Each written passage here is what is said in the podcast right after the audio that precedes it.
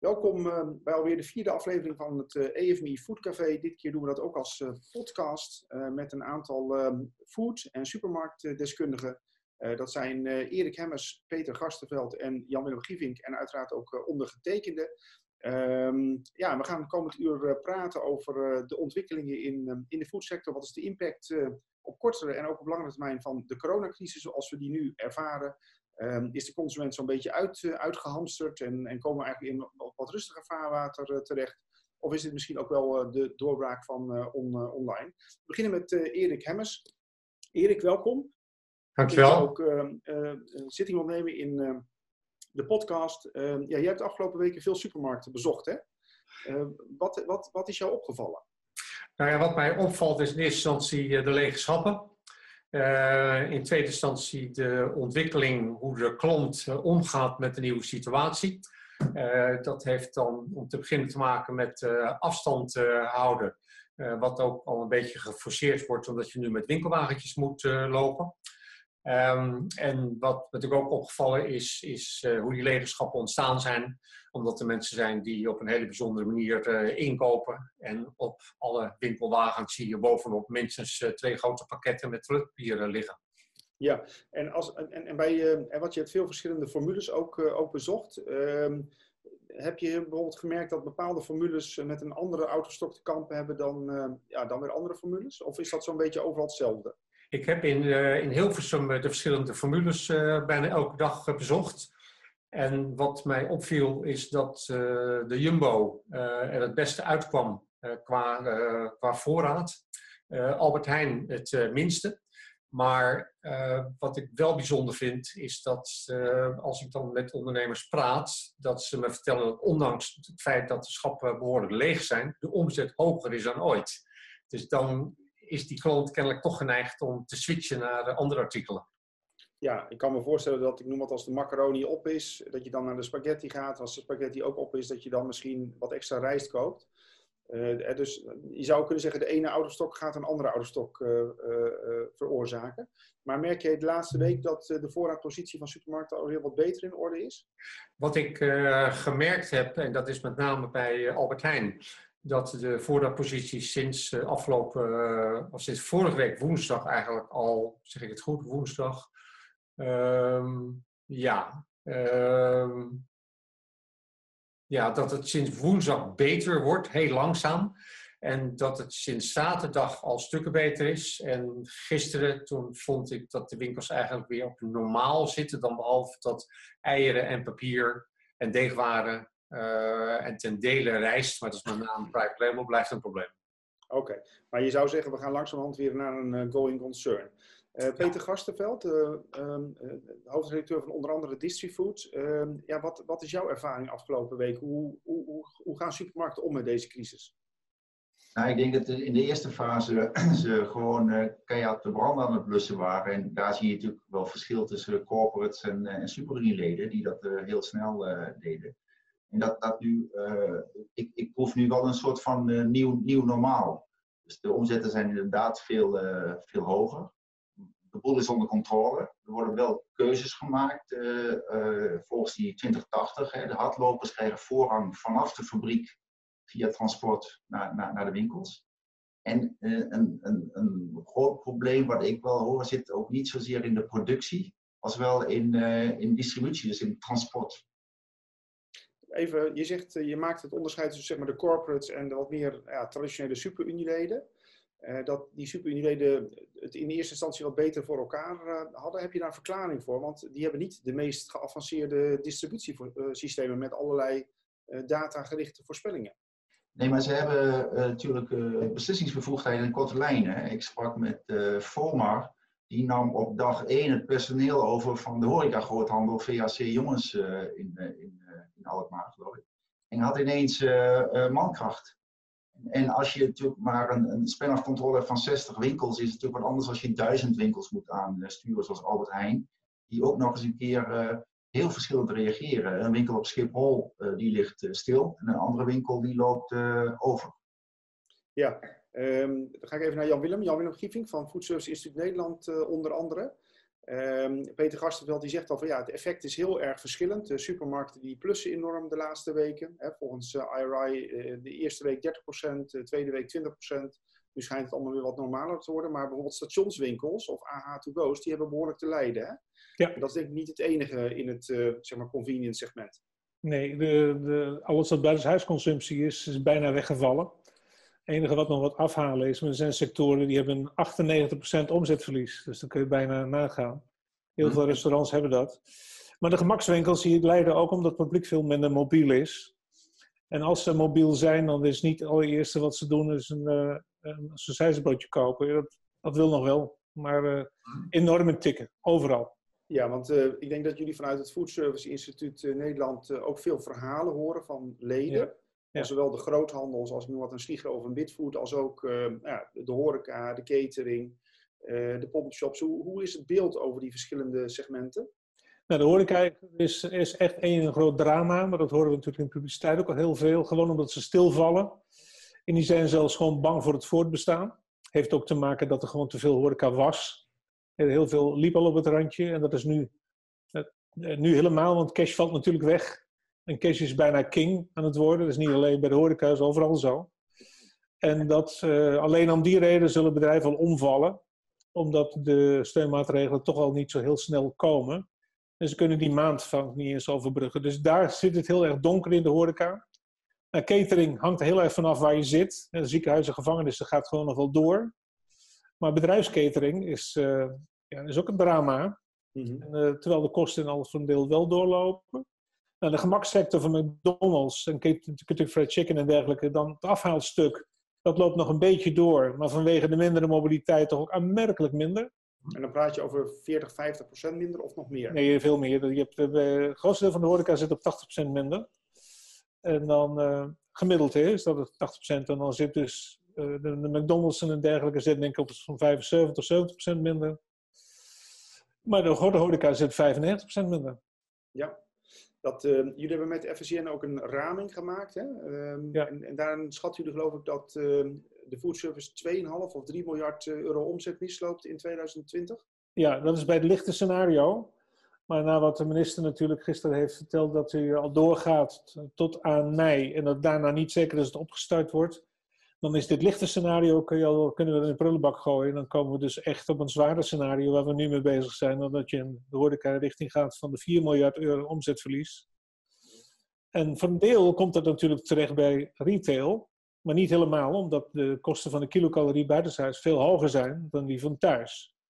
Dus een deel daarvan gaat naar eh, de retail toe en dat de gemaksector, maar niet in zijn volle omvang. Omdat je ook ziet, dat zien jullie denk ik zelf ook als FMI, dat consument veel meer naar mainstream gaat en naar commodities gaat en veel minder naar luxe, premium en gemaksproducten. En die zijn ook al wel duurder, dus dat gaat, uiteindelijk zal de hele foodsector krimpen. Zelfs al eten we net zoveel kilocalorieën als we uh, twee maanden geleden deden, dan nog zakt de foodsector als geheel in elkaar omdat er minder luxe gegeten wordt en minder duur. Ja, Jan Willem, en, um, en je zegt ook, aan de ene kant was er misschien wel te veel horeca. We hebben natuurlijk een, een hoogconjunctuur van vier, vijf jaar achter uh, de rug. Veel horeca zijn ook gaan zitten in leeggekomen plekken in allerlei binnensteden. Dus daar zit, zat misschien ook een stuk gezond opportunisme uh, uh, tussen. Um, hoe moeten bedrijven hier nou mee omgaan? Want de overheid heeft een aantal steunmaatregelen aangekondigd. Onder andere dat als je je personeel niet ontslaat, dan willen ze die kosten voor 90% dekken. Maar je hebt natuurlijk ook derving. En uh, je hebt natuurlijk ook je vaste kosten van bijvoorbeeld de huur van het pand die doorlopen. Ja. Zijn, zijn de maatregelen van, van, van het kabinet voldoende? Ja, op zichzelf zijn het goede maatregelen. Anders was er nu al een aanvraag van je, van je cementen geweest van je wel. Heel veel bedrijven willen dit doorzetten. Maar zelfs die 10% personeelskosten kunnen een aantal niet dragen. Laat staan van de huurkosten en andere vaste kosten en de afschrijving die gewoon doorgaat. Dus cash is het grote probleem voor, uh, heel veel horecabedrijven, vooral zij die al op het randje liepen. Dat zijn de tienduizenden, hè? Ja. Vergeet het niet, dat is echt heel veel. Dus dat ziet er toch niet goed, uh, goed uit. Um, even over, hè, er zijn nu natuurlijk ook een aantal grote retailketens um, die eigenlijk al bij um, zeg maar de verhuurders hebben aangekondigd, we gaan voorlopig even niet betalen of maar de helft. Hè. HEMA betaalt nog maar de helft. Ja. Erik Hemmers, vind je dat logisch en is het ook terecht? Je stelt mij de vraag? Ja. Ja, Ja, kijk, als je naar supermarkten kijkt, dan maakt huur qua kosten 2% uit van totaal. Dus als ze de helft zouden betalen, zou het 1% schelen. Ja, maar het probleem ligt natuurlijk niet bij de supermarkten. Ik, ik heb het meer over de HEMA's en, uh, en, en non-food retail bijvoorbeeld. Ik, ik, ik denk eerlijk gezegd dat dat allemaal tijdelijke zaken zijn. Uh, de, de, ja, je, je, je, verlengt het dan met uh, al of niet een paar weken. Het blijft problematisch, maar ik ben het er wel mee eens dat je hiermee wel moet beginnen. Ja. Uh, Peter Gastenveld, uh, vandaag inderdaad ook het nieuws uh, in Financieel Dagblad dat HEMA eigenlijk in heel zwaar weer eh, zit. Hè. Ze willen hun leveranciers later betalen, heeft Action ook al gedaan. Ehm, ze, willen nog maar de helft van ehm, de huur betalen voor, voor de panden. hoe moet HEMA zeg maar, hier doorheen komen? Want ik geloof dat alleen de winkels in Nederland zijn nog maar een beetje open, maar die missen 80% van het publiek. Ja, het is, is heel lastig, hè? want is, ik hoor ook een beetje wel bij wat Jan Willem uh, zegt, van de, de broeders die zwak waren, en dat, dat was de HEMA gewoon. Ja, je krijgt een soort van kille sanering. En, uh, en, en de crisis versnelt onderliggende problemen. En uh, het is natuurlijk wel heel nobel en we vinden het ook heel fijn, een merk HEMA. Maar het kan best zijn dat HEMA klapt, maar, maar, dat iemand anders het in een andere vorm weer gaat oppakken. En dat er weer, ja, we noemen dat toch de destructieve innovatie. Zou... Het is pijnlijk, maar het, het kan gebeuren natuurlijk. Ja, um, Jumbo werkt natuurlijk al samen met, uh, met HEMA. Um, Frits van Eert heeft al een keer gezegd, het liefst had ik helemaal heel HEMA gekocht. Um, is dat moment uh, nabij? Ja, Frits, Frits had ook graag de 24 uur van Le Mans willen, willen winnen. Hè. Dus, het is, uh, hij, hij roept wel, ik, ik, ik weet niet, ik, ik denk dat je ook heel kritisch moet kijken van wat je dan eigenlijk koopt. Ik, Frits die, uh, die vond de HEMA natuurlijk heel interessant, ook vanwege de vestigingspunten in, uh, in België. Dat zijn 100 HEMA's en Frits heeft daar, in ieder geval Jumbo, laat ik het zo zeggen, dan, die, die wil daar natuurlijk expansie verrichten. Ik heb altijd wel de verkoop van non-food via de Jumbo-winkels gezien als een soort van ja, mooie, mooie gimmick. Maar het echte verhaal zou dan zijn vestigingspunten. En daar ja. kan ik me wel iets bij voorstellen. Als er een aantal HEMA's echt deel moeten sluiten, is er misschien ruimte voor een aantal Jumbo's in de binnensteden. En, en als Brabantse formule uh, is de binnenstad toch een plek waar je, waar je niet echt uh, bent en waar dan een kans uh, ligt. En als je dat ja. voor een appel en een ei kunt kopen, ja. Nou ja, het zou in ieder geval. Uh, kijk, Hema heeft natuurlijk ook heel veel franchise-nemers. Hè? En je gunt al die franchise-nemers natuurlijk ook een, een, mooie toekomst. En dat die niet mee ten onder gaan omdat het moederbedrijf ten onder gaat. Ja, maar, maar de, de, laat zeggen, die, die, die problemen zijn niet van de laatste twee, drie weken. Nee, klopt. Maar dat zijn natuurlijk niet de problemen van de ondernemers van HEMA. Maar het zijn meer de problemen van uh, dat het bedrijf vol, volgestopt ja, is met uh, dure leningen. Ja. Ja. Um, ja, is dit een ander punt? Is dit de doorbraak van uh, online food retail? Want het, het, marktendeel dat was zo'n 4%. Um, maar ik heb vanuit mijn omgeving veel mensen gehoord die online zijn gaan bestellen. Ik heb ook van een aantal ondernemers eh, gehoord dat die dubbele of driedubbele omzetten online hebben gedraaid de afgelopen weken. Is dit het moment, uh, dan ga ik weer even naar Erik Hemmers. Is dit het moment, Erik, dat, dat online echt zijn doorbraak gaat beleven in, um, in food retail? Ik weet niet of het een echte doorbraak gaat betekenen, maar ik kan me wel voorstellen dat dit een plus-plus betekent in de online omzetten. Simpelweg omdat enerzijds een heleboel mensen er nog steeds een beetje aan moeten wennen. Zo niet uh, mensen die er al een beetje mee werkten en er nog meer mee gaan werken, uh, toch denken van, nou, wel handig. En als zij goede ervaringen hebben, dan is de kans groot dat dat uh, verder uitgroeit op deze manier. Nou, Willem Grievink, is dit de doorbraak van de digitale transformatie in de foodsector?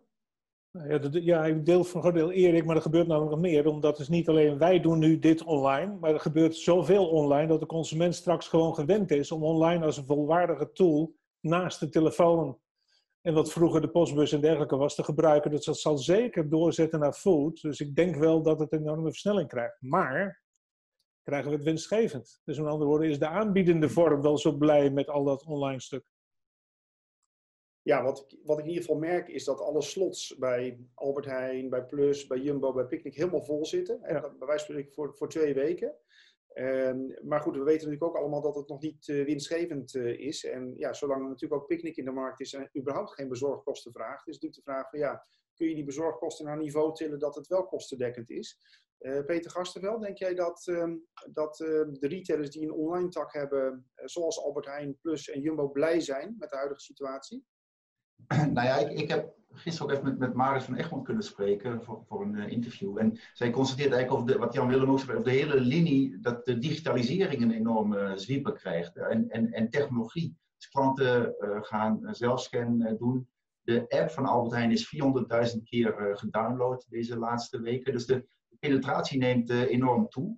Het EDC in Amsterdam zit randvol. Ze kan, ze kan er iedere dag nog eentje openen, zegt ze ik denk uh, dat er ook wel een, een beweging is naar, uh, naar bezorgen vanuit de horeca. Hè, dat, dat, dat daar ook een acceptatie plaatsvindt. Uh, hoe gemakkelijk dat is in gaat. We hebben het zelf gewoon ook wel eens gedaan. En ik heb ooit gesproken met uh, Siep de Haan van Hoofdvliet. Die zegt, ja, uiteindelijk moeten we toch wel naar een situatie toe dat online misschien wel weer voor de heavy few is. Met 15 euro bezorgkosten. We hebben nu schaarste ik vraag me af of iemand het lef heeft om als eerste dan iets aan de prijs te doen, wat toch een normale economische wet is. Ja, je zou zeggen, een normale economische wet is als er schaarste is, dan gaat de prijs omhoog. Ja. Um, hebben jullie prijsontwikkelingen gezien in, um, in de branche? Dat bijvoorbeeld pasta opeens duurder is geworden of rijst? Uh, hebben supermarkten gebruik of misbruik, zo je wilt, uh, gemaakt van, van de schaarste? Erik Hemmers, heb jij daar wat van gezien? Ik heb uh, gisteren nog eens een keer, uh, naar aanleiding van deze vraag, uh, goed in de winkels rondgekeken. Ehm, het enige wat ik kan zien, in dit geval was bij Albert Heijn, dat een hele grote display stond met Heineken bier, Amstel um, en, en Brand. En die stonden voor de normale verkoopprijs, dus Heineken voor 16 euro zoveel, royaal uitgestoten. Nou, dat heb ik nog nooit gezien. Dat, dat, dat, was voor mij het meest duidelijke signaal, maar ik zie aan geen enkel ander product, uh, voor zover ik allemaal precies kan herkennen, zeg maar, dat prijzen uh, omhoog gegaan zijn. Geen signalen. Ja, ik las van de week ook een stuk van een van de prijsvergelijkers en die gaven ook aan dat ze geen prijsverhoging hadden gezien, dus dat supermarkten zich netjes hadden gedragen. Um, wat wel interessant is, Jan-Willem Gievink, in, in België, daar uh, is een tijdje lang zijn promoties verboden geweest tijdens de coronacrisis. Um, ik denk dat ze dat in Nederland niet vervelend zouden vinden. Nee, maar het gebeurt vanzelf al. We hebben een idioot groot aantal promotieaandelen in, in alles in de foodsector en in de supermarkt helemaal. En dat is nu flink gezakt. Dat wat Erik net vertelde is maar een voorbeeld. De ondernemers die ik aan de telefoon had zeggen dus dat ze veel hogere marge mix hebben nu. Gewoon omdat het actieaandeel veel lager is geworden. Dus consumenten A, zitten niet helemaal in die actiemodus. Ja, wel in toiletpapier in hamstermodus, maar hak en dergelijke is niet in de aanbieding. En dat doet Hak ook niet, want dan komen ze helemaal out of stock terecht in de fabriek. Dus dat doen ze niet. Dus je gaat zien, daar waar acties zijn, kunnen de mensen het niet downloaden. Je kunt geen druiven gaan eh, stolken en dat soort dingen, en aardbeien die nu toevallig in de actie zijn. Maar die zijn nu in de actie omdat er overcapaciteit is bij de telers. Die hebben voor de Pasen veel te veel en het gaat niet afgezet worden. Dus nu moeten ze al die aardbeien in de aanbieding gooien. Dus dat gebeurt wel, maar de grote hamstervolumes niet ja, je zou kunnen zeggen, promoties uh, dienen zeker in deze tijd wel uh, een doel. Uh, omdat natuurlijk, ja, we hebben in Nederland een hele sterke food- en agri-sector. met ook heel veel export. Die export valt nu deels weg. Ja. En om in ieder geval toch nog wat af te zetten, zou je dat met aanbieding kunnen doen. Maar Peter Gasterveld, een uitspraak is ook never waste a good crisis. We, we, zien ook de afgelopen 15 jaar dat het promotievolume in Nederland enorm is opgelopen. Van 15 naar pakken 5, 26 procent. Er zijn formules die zitten op 30% van alles wat ze verkopen is, uh, is promotie. Het is nog geen kruidvat in de foodsector, maar is, is dat promotiepercentage niet doorgeslagen en zouden we niet wat meer naar vaste lage prijzen moeten? Nou ja, laat zeggen, ik, ik, ik, schrijf al vaker dat ik al die folders een beetje uh, onzin vind. Maar ik, zie eigenlijk in het begin van deze crisis, de, dan heb je niet over prijzen om daar misbruik van te maken, maar meer als sturingsinstrument om, om voorraden te, te houden. Uh, we, wij kwamen één voorbeeld tegen op Facebook van Hoogvliet die uh, actieartikelen ineens voor de volle prijs om die reden aanbood. Uh, en klanten reageerden daarop. ik, ik, denk dat dat in alle hectiek een beslissing was die, die je niet had moeten nemen, die dan een beetje verkeerd uitvalt. We zitten nu pas in, in, de, in de derde week. Ik denk dat, dat, dat nu ketens vooruitkijken en dan gaan kijken van hoe, hoe gaan we ons actiebeleid inrichten. Albert Heijn bijvoorbeeld, die, uh, want dat is ook een heel interessante. De kern van een Albert Heijn-formule is een high-low-formule. Uh, als je al heel, en, en acties doe je om meer klanten te trekken, maar je hebt nu eenmaal al meer klanten binnen. Dus wat gebeurt er in zo'n zo'n crisis met indexen 120? Ga je dan meer klanten trekken? Moet je aanbiedingen doen om je marktaandeel op peil te houden? Of profiteert een, een formule als, als Jumbo met vast laag? Wat, wat denk je zelf? Ehm, hè, want we hebben natuurlijk allerlei verschillende typen formules in Nederland. Je hebt natuurlijk de hard discounters zoals Aldi en Lidl. Je hebt de merkendiscounters zoals een, een Boni, een Dirk van der Broek, een Nettorama. Je hebt de, de, de wat luxe de service supermarkten zoals een, eh, een Albert Heijn, um, een Jumbo, een Dekamarkt. En je hebt natuurlijk ook partijen nog als Spar. Um, wat, wat, zijn nou eigenlijk de winnaars en de verliezers van, ja, als je al zo, daarover zou mogen spreken, van van, uh, van deze crisis. Misschien dat Erik Hemmers daar zijn licht over kan, uh, kan laten schijnen als eerste. Ja, wat mij opvalt is dat in eerste instantie zeg maar, uh, wat we noemen de full service supermarkten winnen. In tweede instantie winkels die groter zijn. En ik denk dat je groter toch al gauw 14, 1500 vierkante meter moet stellen. Um, en wat me ook opvalt is, maar dat zijn dan, is informatie die ik van fabrikanten ontvang, is dat Aldi en Lidl te lijden hebben onder de situatie. Ja. Dat vind ik wel opvallend, want je zou verwachten dat als mensen de kelderkast gaan, uh, gaan vullen en dus voor 100 of 200 euro gaan kopen aan pasta, rijst, uh, uh, tomatensaus, dat je dan eerder even naar de Lidl rijdt en, die en, ja, de achterbak volgooit. Daar, daar waar ik zeg, maar, zeg maar Albert Heijn en Lidl naast elkaar zie, in dit geval in, in Hilversum, waar ik verschillende keren gekeken heb op dezelfde momenten, zag ik sowieso dat het bij Albert Heijn drukker is. En dat er weliswaar enkele mensen zijn die behoorlijk volle karren hebben bij de Lidl. Maar ik was gisteren bij Lidl en toen was ik uitermate verbaasd om het aantal afprijzingen te zien. En dat begint met afprijzingen van alle paaschocholades, die met 50% naar beneden gaan. Ja. Terwijl uh, we eigenlijk nog een kleine twee weken hebben naar Pasen. En afprijzing van dit soort artikelen gebeurt in andere jaren pas na Pasen. En de tweede was dat ik bij de ehm, AGF allerlei artikelen zag uh, die 18%, 31% uh, naar beneden gaan. Maar de volgende stap is de delicieux artikelen, die specifiek voor deze feestdagen neergezet worden, zitten nu al in de aanbieding. Nou, dat zie je ja, ja. nooit. Ja.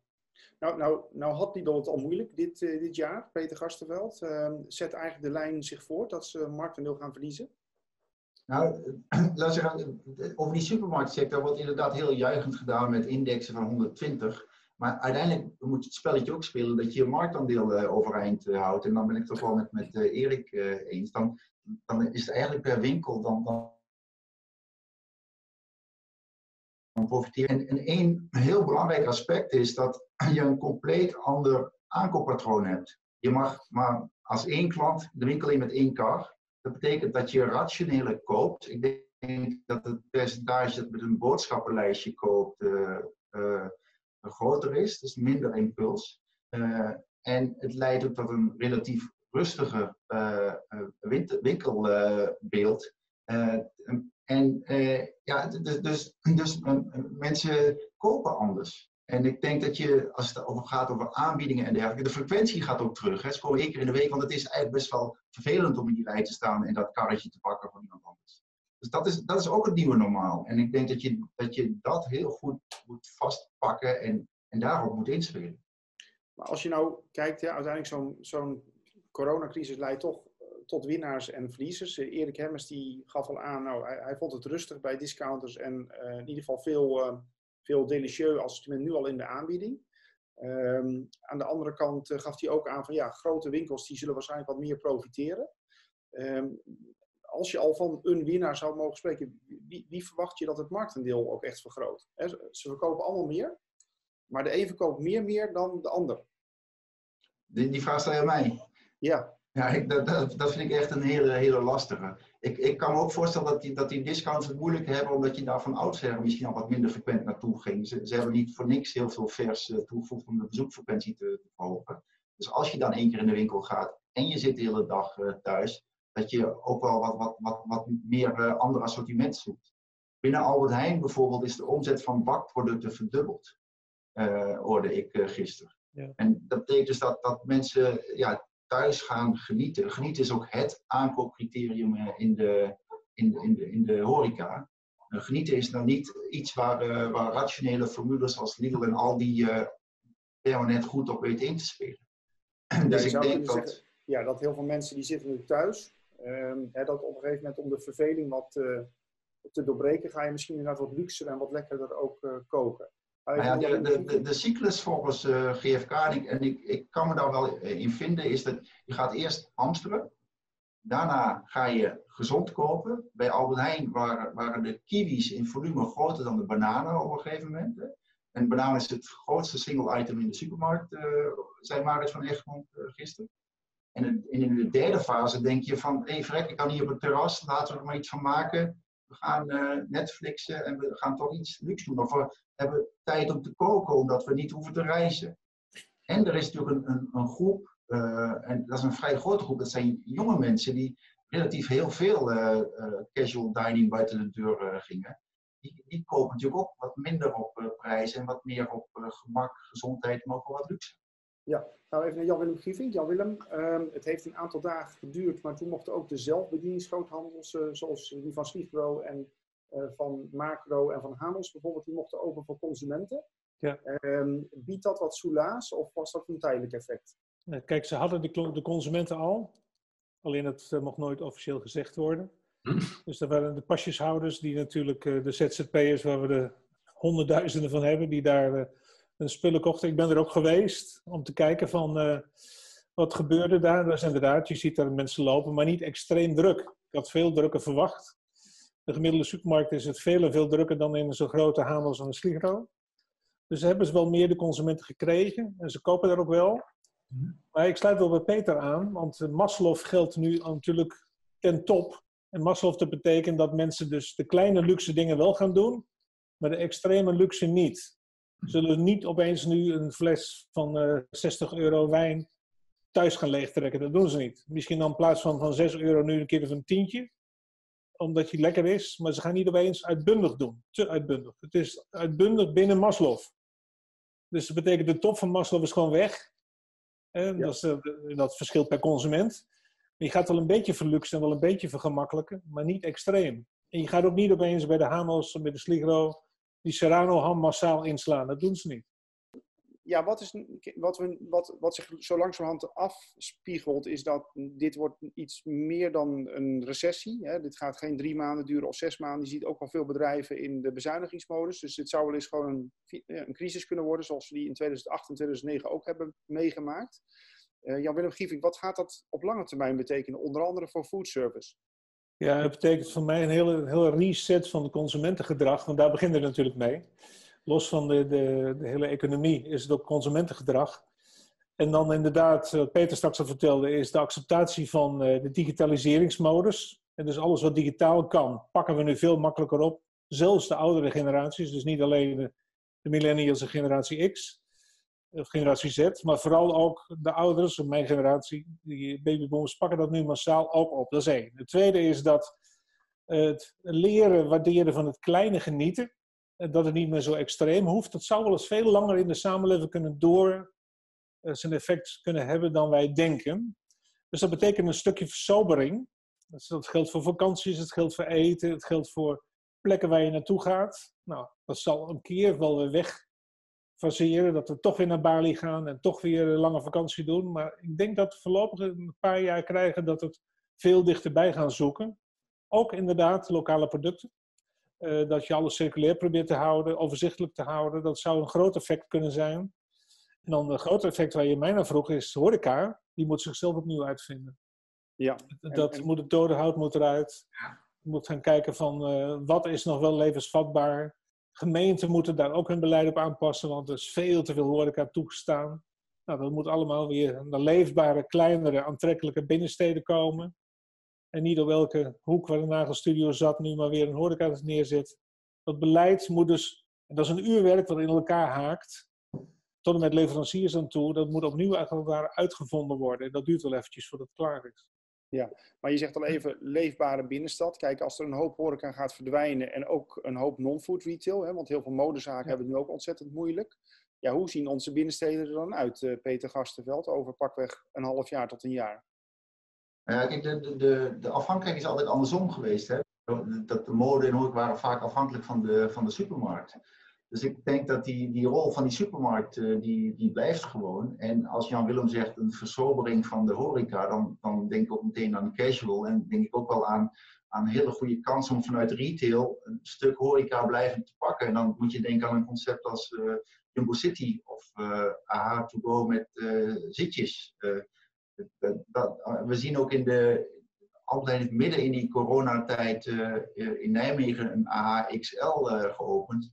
En daar zie je dus ook, uh, ja, ik weet niet hoe heet het nou, de Daily Kitchen of de Allerhande koopt. Of, maar in ieder geval, eh, daar, dat zou ook nog eens versterkt kunnen doorzetten. Dat je in of nabij de supermarkt directe consumptie uh, krijgt.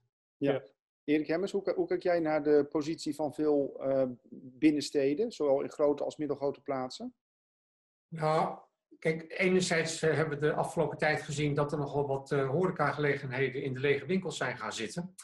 Um, en als we het dan hebben over de schade voor horeca, dan denk ik dat het met name voor die nieuwe bedrijven uh, heel erg groot zal, zal zijn.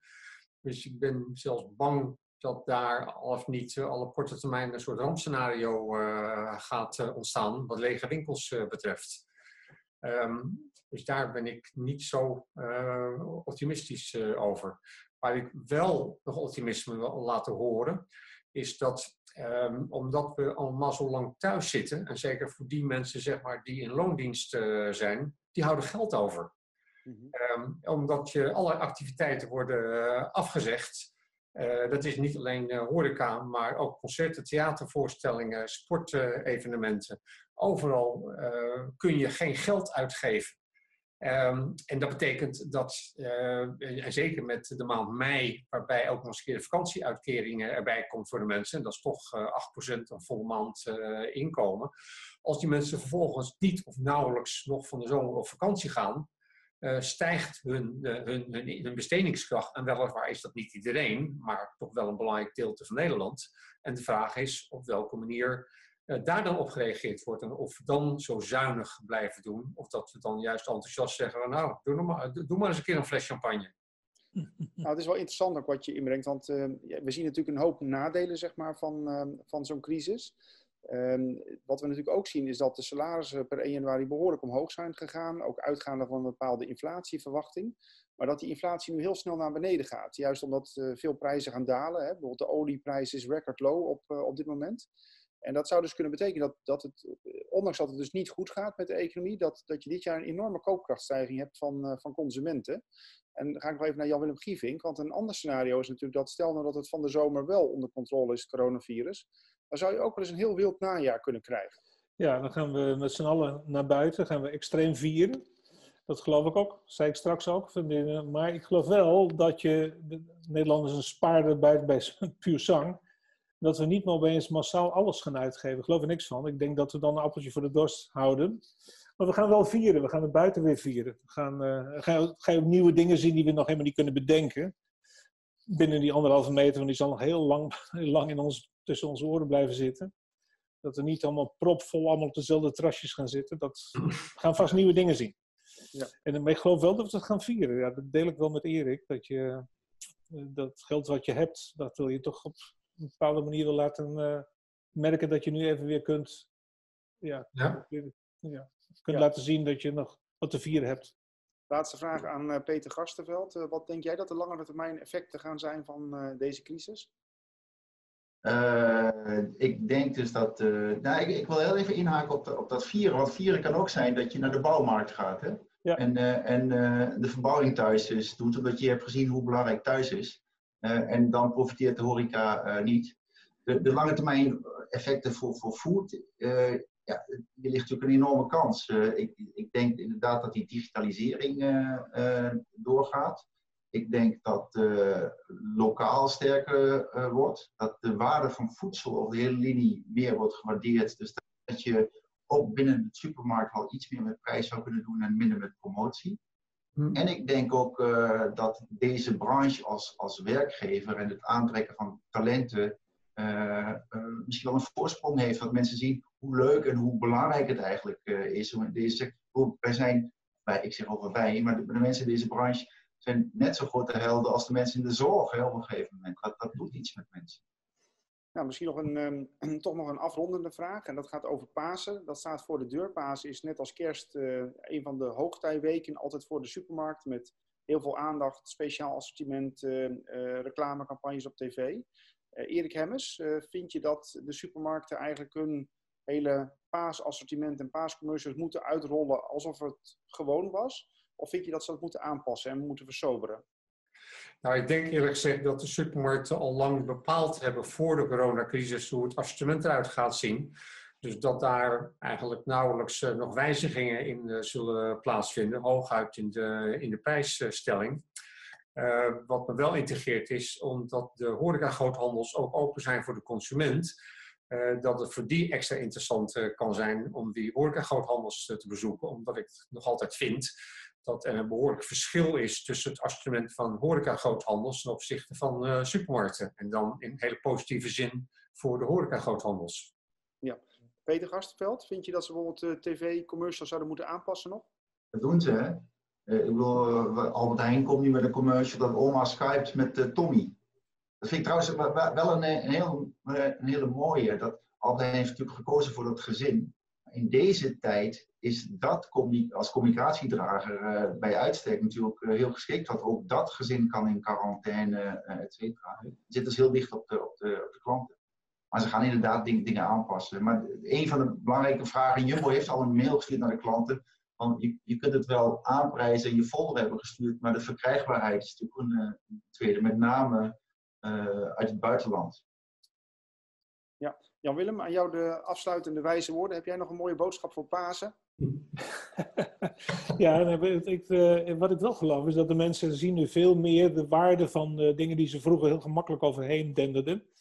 Dus de zorg van de overheid voor de ouderen en de zorg binnen de gezinnen voor de ouderen en voor elkaar zorgen, dat zal ook met uh, voeding te maken krijgen. Het boodschappen doen en het iets lekkers neerzetten bij, bij verzorgingstehuizen of bij opa en oma. Dan ga je natuurlijk geen pot hak neerzetten. Dan ga je gewoon daar een, iets lekkers en leuks neerzetten. En het, wat ik wel deel is het, uh, ze, doordat ze nu al afprijzen van luxe artikelen, denk ik dat ze een voorschot nemen dat het misschien toch wel niet zo hard zal gaan dat ze vorig jaar ging. Dus ze hopen dan denk ik met prijsacties toch nog heel veel luxe producten te verkopen. Oké, dank jullie wel voor het uh, delen van jullie visies uh, op uh, het effect van de coronacrisis op de foodsector. het wisselende beeld ook dat we zien bij food retail, de supermarkten en food service. Um, met name Jan Willem, want die zal, Jan Willem Gieving zal ook veel contact hebben met de achterban. wens ik ook komende tijd heel veel sterkte om samen met die groep ja, toch alles er zo goed mogelijk doorheen te loodsen. Dankjewel ja. en graag tot de volgende keer.